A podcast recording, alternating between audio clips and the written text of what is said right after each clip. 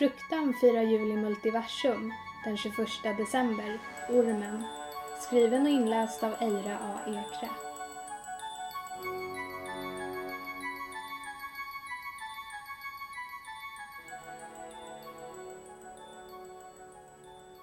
När hon stiger in i baren har bartendern redan på sig ett par mörka glasögon.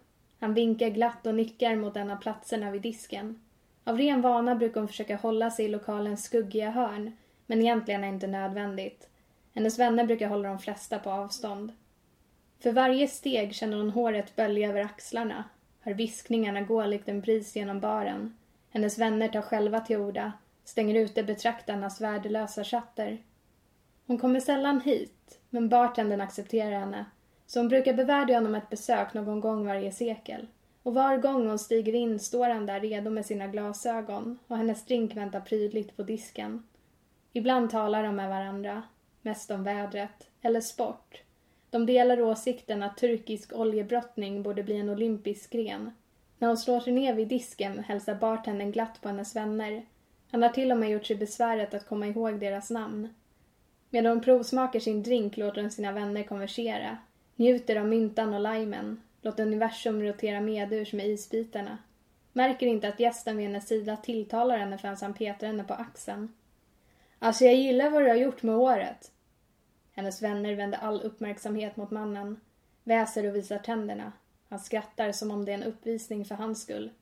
Hon håller blicken på sin drink. Har lovat sig själv att inte göra något dumt. Det är ju trots allt en högtid. Alltså jag vet vem du är. Han sluddrar en aning när han pratar. Alltså du behöver inte ignorera mig. Jag vet fan att du vill. Alla känner ju till den här gången med Poseidon om du vet vad jag menar. Och jag bryr mig inte om förbannelsen liksom fan. Du borde vara smickrad. Det är inte hennes mening att krossa drinkglaset.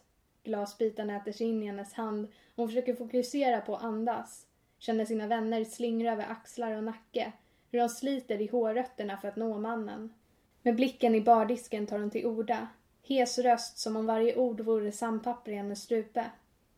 Om du kände till allt borde du veta att Poseidon tvingade sig på mig. Hon reser sig upp, hör sina vänner viska förbannelser likt en kör av fjälliga änglar. Och du borde veta att det här är allt annat än en förbannelse. Jag ville aldrig vara försvarslös igen och min nerva bevärdigade mig denna gåva.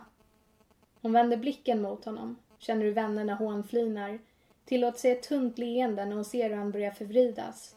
Hur all färg går ur honom när han sakta äts upp inifrån av urberget. När han faller till golvet hurrar hennes vänner i en väsande kör. Det är först när de tystnar som hon hör hur de andra gästerna viskar. Från ett skuggigt hörn hörs applåder. Hon utbyter en orolig blick med bartendern men får bara ett leende och tummen upp till svar. Och även om det inte är världens bästa julklapp så får det duga.